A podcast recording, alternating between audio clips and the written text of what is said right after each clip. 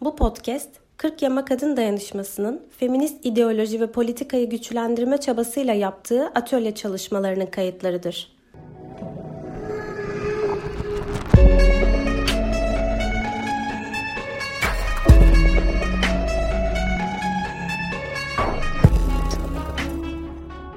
Herkese katıldığınız için teşekkür ederim. Bu yani bugün cumartesi günü saat 8'de zaman ayırıp geldiğiniz için de teşekkür ederim. Kısaca kendimden bahsetmek istiyorum.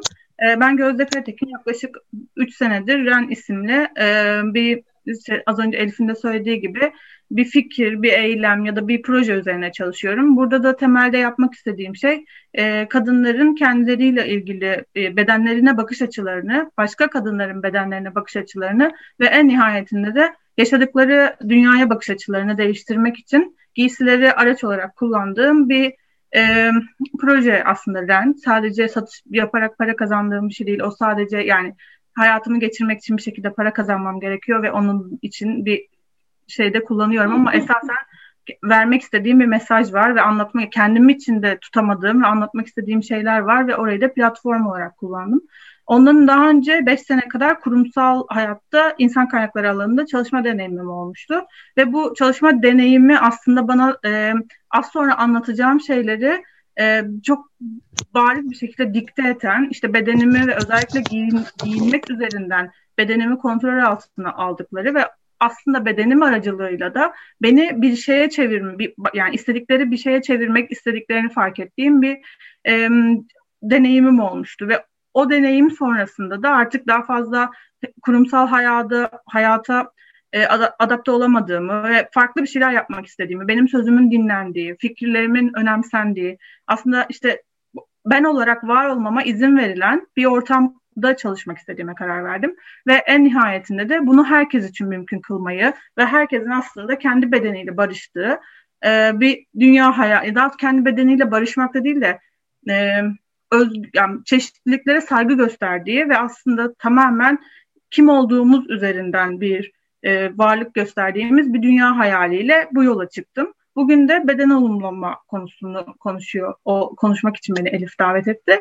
E, beden olumlama konusunu konuşurken genellikle yapılan şey şu an medyada ya da işte e, zaten artık çok bir anlamda popüler de bir konu oldu ve sıklıkla e, bunun pazarlama ögesi olarak da bir aracı olarak da kullanıldığını görüyoruz kendini sevmek gibi bireysel bir yerden değil de daha toplumsal bir yerden beden politikaları ve aslında bedenin e, güzellik idealiyle nasıl kontrol altına alındığı, tahakküm altına alındığı üzerinden konuşmak gerektiğini düşünüyorum. Yani beden olumlama aslında bize kendimizi sevmeyi an, e, e, öğretmez.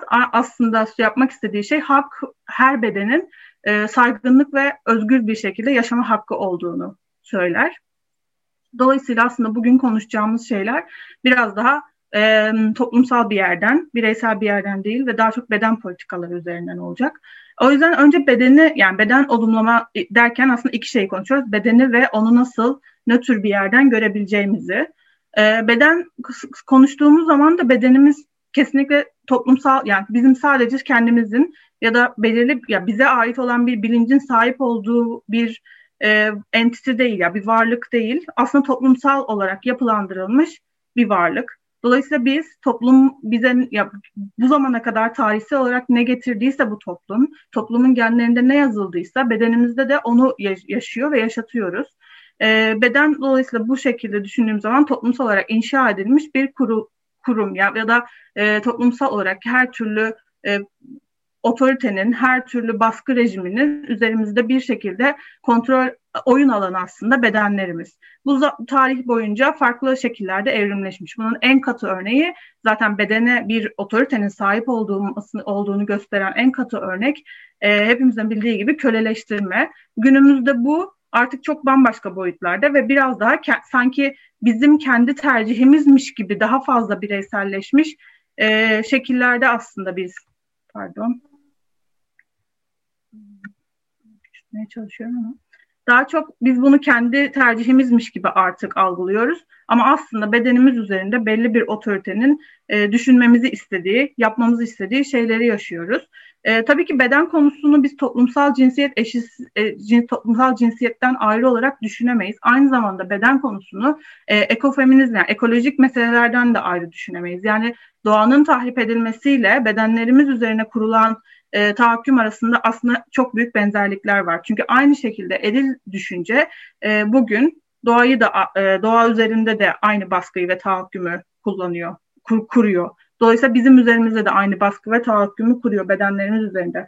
Yine burada şunu da söylemek istiyorum. Eril tahakküm derken erkeklerin ya tanıdığımız herhangi bir erkeğin bizim üzerimizde kurduğu e, tahakkümden bahsetme, bahsetmiyorum. Aslında daha büyük bir şeyden. Yani erkeklerin de üzerinde, erkek bedeninin üzerinde de aynı tahakküm kuruluyor. Yalnızca biz bugün ve özellikle ben her zaman bunu söylüyorum. Ben kendi bedenim üzerinde kurulan tahakkümü bildiğim için kendi deneyimlerimi aktarabiliyor ve yine kendi deneyimlerim üzerinden onlara çözüm bulabiliyorum. Yani Ren'in şu an bir yani kadın kıyafetleri yapıyor olmasının sebebi kendi problemlerime, kendi dertlerime, kendi bedenime çözüm bulabilmek için. Ama şundan adım gibi eminim. E, erkekler için de hayat hiç o kadar kolay ya. Kendileri için de aynı zindanı yaratıyorlar. E, hem aslında baktığınız zaman kadınla erkeğin bu bedensel olarak birbirinden farklı olması e, konusunun çok doğal olduğunu düşünüyoruz. Yani bugün e, bir, belki çok derinlere indiğimizde buraya katılan herkes için bile bu kadın erkek arasındaki farkın, eşitsizliğin aslında hani doğal olarak gelen bir şey oldu. Bizim güçsüz olduğumuz, daha duygusal olduğumuz üzerinden kurulan bir şey olduğunu göre düşünebiliyoruz. Zaten sıradan e, toplumun büyük bir kesimi bu şekilde düşünüyor. Ama aslında bizim farklı yani kadınla erkeğin toplumsal olarak e, iş bölümünden iş bölümü farklılıklarından kaynaklı olarak e, bedensel açıdan da farklılaştığını görebiliriz. Ee, buna Simone de Beauvoir'ın ikinci cinsiyet kitabında değindiği gibi aslında bahsedebiliriz. Simone de Beauvoir der ki kadın ve erkek aslında tamamen ilk zamanlardaki iş bölümünden dolayı yani kadının çocuk doğurma yetisi sebebiyle çocuk e, bakımına ya çocukları doğurmak ve onlara bakmak mecburiyeti sebebiyle evin içine domestik alana çekilmesi erkeğin de daha çok e, işte silah yapmak, silahla gidip hayvan öldürmek ya da o evin güvenliğini sağlamak gibi konularda iş böl işlere üstlenmesi ona kendinde daha çok özgüvenli duymasına ve aslında daha yaratıcı ve e, tehlikeli işleri kendi yaptığı için daha ben o zaman karar vereyim gibi bir noktaya getiriyor aslında erkeği. E, bu dola, dolayısıyla da kadının daha çok domestik alana çekilmesi yine aynı şekilde bedeninin o o şekilde gelişmesine, erkeğin ise daha silah yaparak, işte koşarak, da, e, avlanarak vesaire şey yaparak, e, avlanarak yaptığı hareketler nedeniyle de bedenin o şekilde gelişmesine sebep oluyor. Yani elbette ki e, fiziksel olarak ayrılıklarımız var ama bugün hiçbir şekilde güce dayalı olarak bir ayrılığımızın şu anda yaşadığımız e, haksızlıklara ya da işte adaletsizliklere, eşitsizliklere sebep olduğunu söyleyemeyiz. Kaldı ki şu anda sahip olduğumuz birçok özellik ya da işte hani mesela duygusal oluşumuz üzerinden konuşuluyor.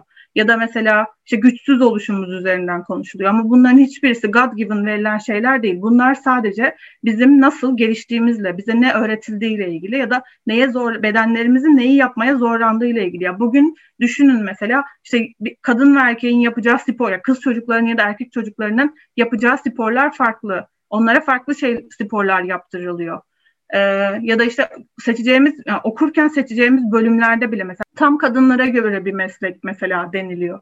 Dolayısıyla zaten bizim e, başından beri yapacağımız her şey toplumsal olarak bize göre ayarlandığı ve planlandığı için yani daha doğrusu toplumsal cinsiyet eşitsizliğini tekrar ve tekrar yeniden üretmeye göre ayarlandırdı, ayarlandığı için beden konusundaki algılar da böyle oluyor.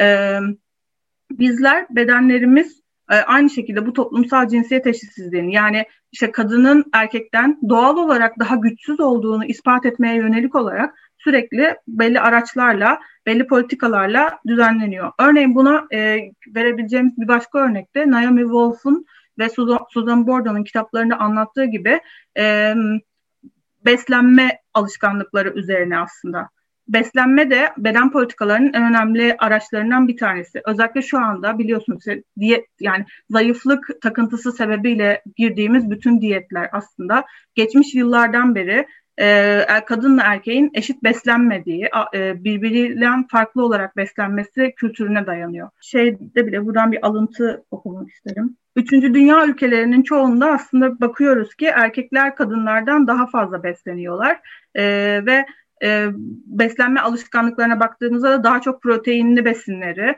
e, daha güç güç getirecek, daha çok besleyici olan besinleri erkeklerin yediğini, kadınların ise onlardan arta kalan şeyleri yediğini görüyoruz. Bu sadece 3. dünya ülkelerinde ya da işte Asya'da gelişmemiş ülkelerde olan bir şey değil.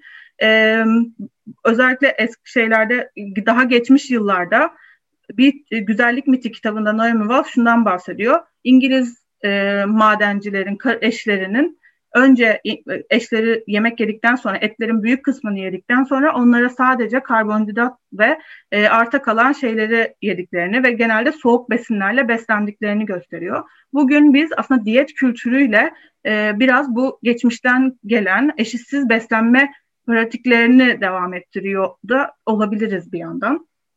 Zaten baktığınız zaman e, günümüzde güzellik ve beslenme alanında birçok e, ekon, e, ticaret dönüyor. Yani aslında bu bir ekonomik kazanç. Bugün biz e, daha kendi seçimlerimizi yapabildiğimiz bir beden algısına girdiğimizde ne kadar büyük sektörlerin çökeceğini bir düşünelim mesela. Yani onu görebiliyoruz ki aslında bu artık bir noktadan sonra sistemin para kazandığı ve sistemin kendini yeniden ve yeniden ürettiği bir şey haline geliyor.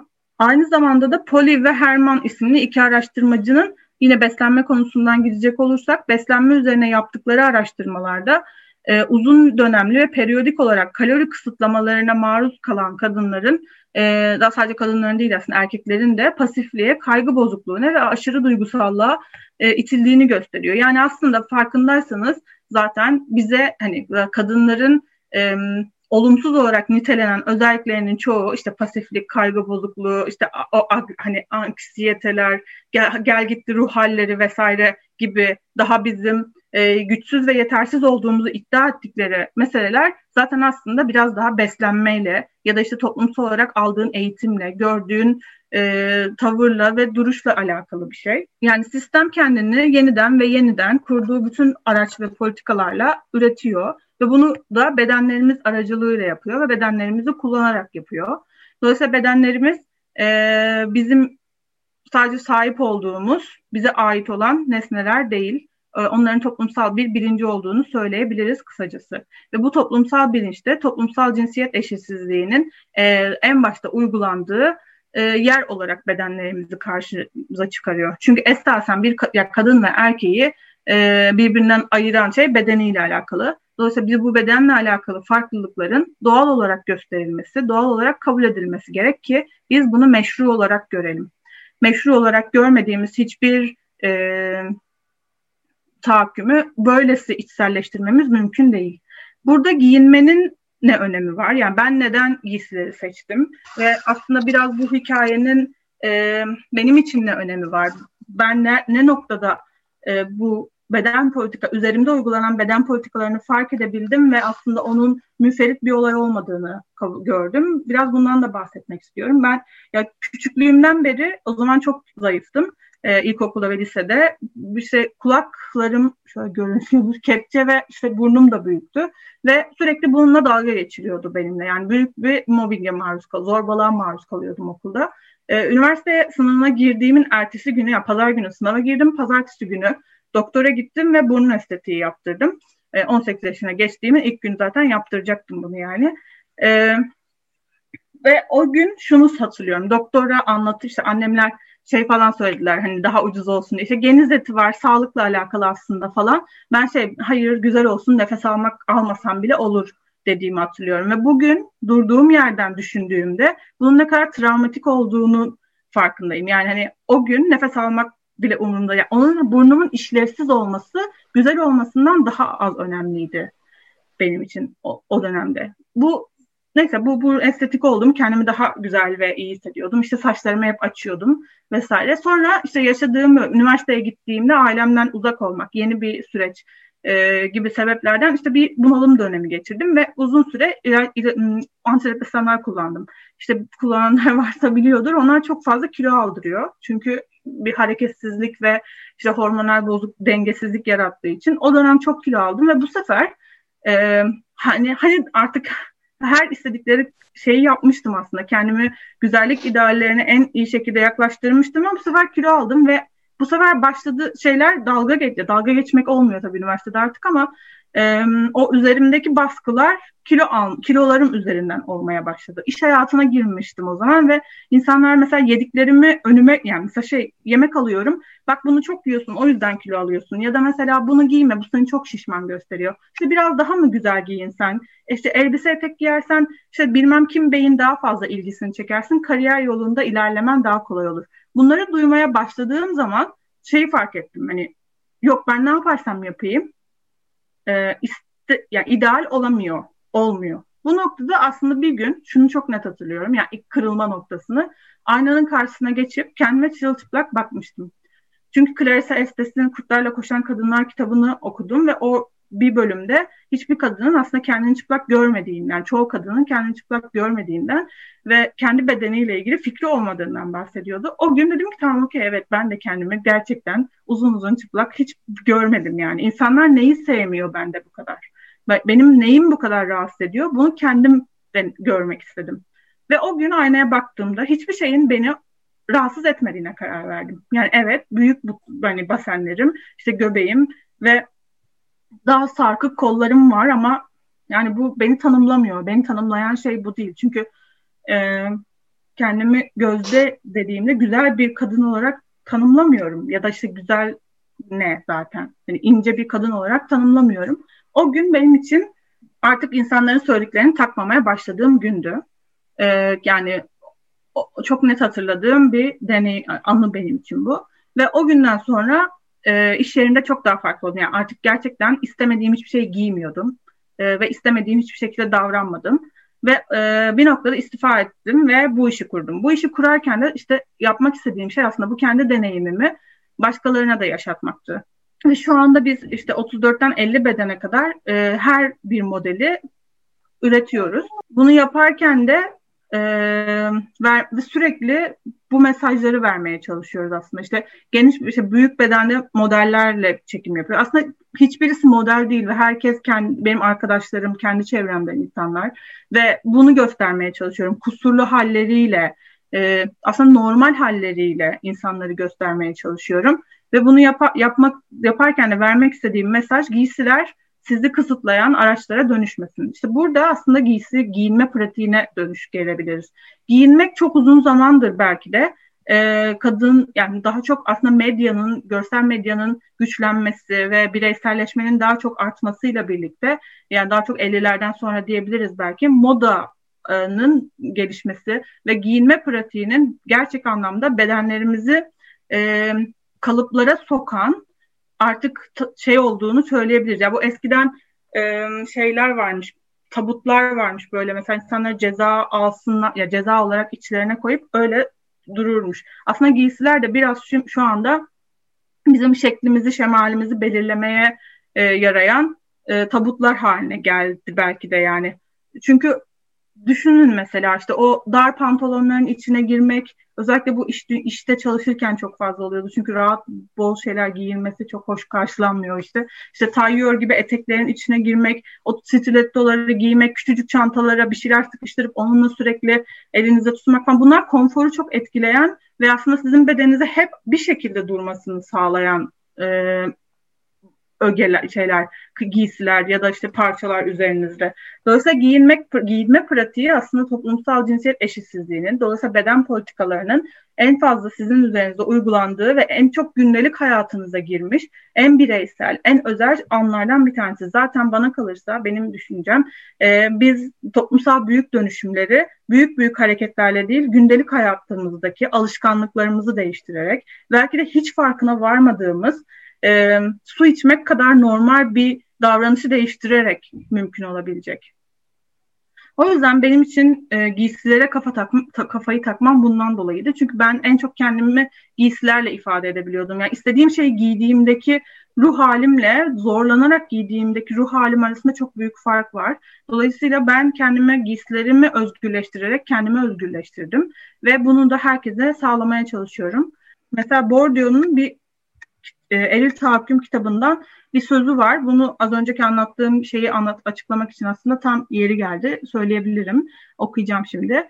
E, giyinmekten bahsediyor. Bu sembolik hapis pratik olarak kıyafetle sağlanır. Eski zamanlarda daha da belirgin olduğu üzere kıyafet bir yandan bedeni saklarken diğer yandan da onu sürekli olarak terbiyeye çağırır. Öyle ki bir emir veya yasağın açıkça dile getirilmesine bile gerek yoktur.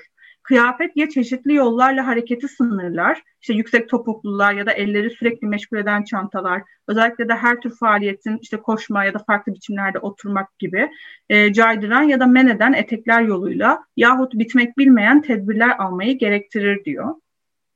İşte aslında bu e, okuduğum şeyden şu an hayatımızı düşündüğümüzde bir etek giydiğimiz zaman mesela oturmamız gereken bir şekil var. Hanım hanımcık uf, yani ufalarak aslında. Mesela hep bizim ne kadar küçülme, küçüldüğümüzle alakalı. Yine mesela metrodaki oturma şekillerini düşünelim. Yani erkekler bacaklarını istedikleri kadar açabiliyor ama bizim ufacık oturmamız lazım. Ee, yine beslenme de aynı şey aslında. Bizim ne kadar küçük ya bizim küçülmemizle kadın bedeninin ufacık kalması aslında biraz hareketsiz kalması, konforsuz olması, sıkışması bir yere bütün bu aslında beden politikalarının ve aslında sembolik araçların bana göre benim okuduğum yerden yapmak istediği şey bu. Ee, bunu engellemek için de beden olumlama hareketi. İşte buradaki olumlamaya şimdi e, geçebiliriz. Beden olumlama hareketinden de kasıt kendimizi sevmek ya da e, her halinle güzelsin değil ya. Bu bana bir yerde çok yanlış geliyor. Çünkü yine e, Erving Goffman'ın Stigmatize diye bir kitabı yani damgalanma, damga diye bir kitabı var. Orada şunda onu okuduktan sonra şunu fark ettim ki bazı bedenler hiçbir şekilde bizim tanım güzel olarak tanımlayabileceğimiz bir yere girmiyor. Yani sonuçta güzel er, bir insanın yarattığı e, bir sıfat. Güzelin ve çirkinin karşılığı var. Dolayısıyla bazı bedenler gerçekten çirkin sıfat yani o tanıma girebilir ve e, onun çirkin olması, hakkı olmadığı anlamına mı gelir? Eğer sen her haline güzelsin mottosundan biz beden olumlamayı okursak bu velev ki çirkinim sorusunu ortaya getiriyor. Yani bir gün çirk, ya çirkinsem o zaman ne olacak?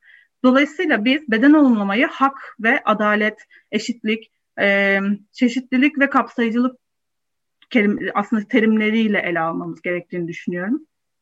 O yüzden de kend, beden olumlama derken yapmamız gereken şey çirkin ya da güzel, e, kusurlu ya da şeylere uyan, ideallere uyan, fark etmez bir şekilde her bedenin canlı olduğu için buna ağaç ve e, hayvanları da dahil ederek, bitkileri ve hayvanları da dahil ederek saygınlık içerisinde keyifli bir hayat sürme hakkı olduğunu kabul etmek bana kalırsa beden olumlama. Benim tasarım anlayışım da aynen bu şekilde. Yani bu e, ilkeye dayanarak kapsayıcı ve çeşitliliklere saygı duyan bir tasarım anlayışım var. Dolayısıyla ben bir tasarım yaparken yalnızca bir e, beden üzerinde nasıl duracağı, bir bedenin konforu ya da bir bedenin onunla mutlu olup olmayacağını değil, çok çeşitli bedenlerde testler yapıyoruz. Mesela ben giyiyorum, işte 34 beden başka bir arkadaşım giyiyor ve herkes için aynı keyfi, aynı konforu ve aynı e, şeyi verme, rahatlığı sunabiliyor olması gerekiyor ya da aynı avantajı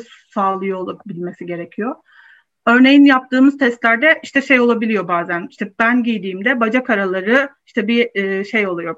Hmm, benim bacaklarım birbirine çok yakın olduğu için o pantolonlarda tüylenme oluyor ama 34 beden birinde olmuyor. Şimdi ben sadece 34 beden birini deneseydim, sadece onu baz alsaydım yani onu refer etseydim ben o pantolonun bacak aralarının büyük beden birinde erkenden eskiyip yırtılabileceğini bilmeyecektim. Ama ben o gözle bakmayıp gerçekten bütün e, farklılıkları, olabilecek tüm engelleri, olabil çıkabilecek tüm sorunları herkes için düşündüğünüzde bu çok kapsayıcı ve herkese içine alan bir şey oluyor. E, dolayısıyla da herkes, yani mesela ben böyle bir şey, benim bedenimi bu şekilde gözeten ve düşünen bir tasarım anlayışıyla çok daha huzurlu ve keyifli bir hayat yaşayabiliyorum. Çünkü ben her gün ya bunu hepimiz çok iyi biliyoruz. Üzerimize emanet gibi duran bir kıyafetle emanet gibi bir hayat yaşıyor. Emanet gibi bir gün geçiyor yani. Bunu hissetmeyenimiz yoktur gibi düşünüyorum. O yüzden de giysilerin e, bir yandan bireysel çok anlamları var. Bizi biz yapan, kendimizi ifade edebileceğimiz, e, kişiliğimizi, karakterimizi, kimliğimizi ortaya çıkaran. İkincisi de toplumsal bir anlamı var. Çünkü kıyafetler bizi bir gruba yakınlaştırır, bir gruptan uzaklaştırır ya da e, bir şekilde üzerinde birilerinin politikalarının ya da işte emellerinin e, sıkıştırmalarının üzerimize giyinmemize sebep olur. Son olarak aslında söyleyeceğim şey e, biz kendimize hep erkeklerin gözüyle bakıyoruz. Yani biz derken bu topluluktan bahsetmiyorum ama genel olarak kadınlar kendilerine, yani erkekler erkeklerin gözüyle bakıyor. Sonra bize de o gözle bakmayı öğretiyorlar ve e, biz de kendimize onların gözüyle bakıyoruz. O yüzden ilk yapmamız gereken şey sanırım kendimize kendi gözümüzle bakmak. Aynanın karşısına çıplak geçip ben de neyi sevmiyor, yani ben kendimi sevmiyor muyum diye sormak. Kendimi sevmekten de ziyade işte dediğim gibi e, sevmediğim yerlerime de e, hakkını teslim etmek. Çünkü bu beden de benim aslında burnum, burun örneğimden de ben beğenmiyordum. Başkaları da beğenmiyordu ama bu beden bana nefes, bu burun bana nefes oluyordu. Bu burun nefes almamı sağlıyordu. E, yine kurtlarla koşan kadınlar ya benim en büyük deneyimlerimden bir tanesi de burada. Kendime hep şunu soruyordum. E, tamam evet bir yere kadar okey. Yani kendimi sev yani bedenimle barıştım ve insanlara ne söylediğim değil ama ne noktaya kadar mesela ne noktaya kadar kilo alabilirim?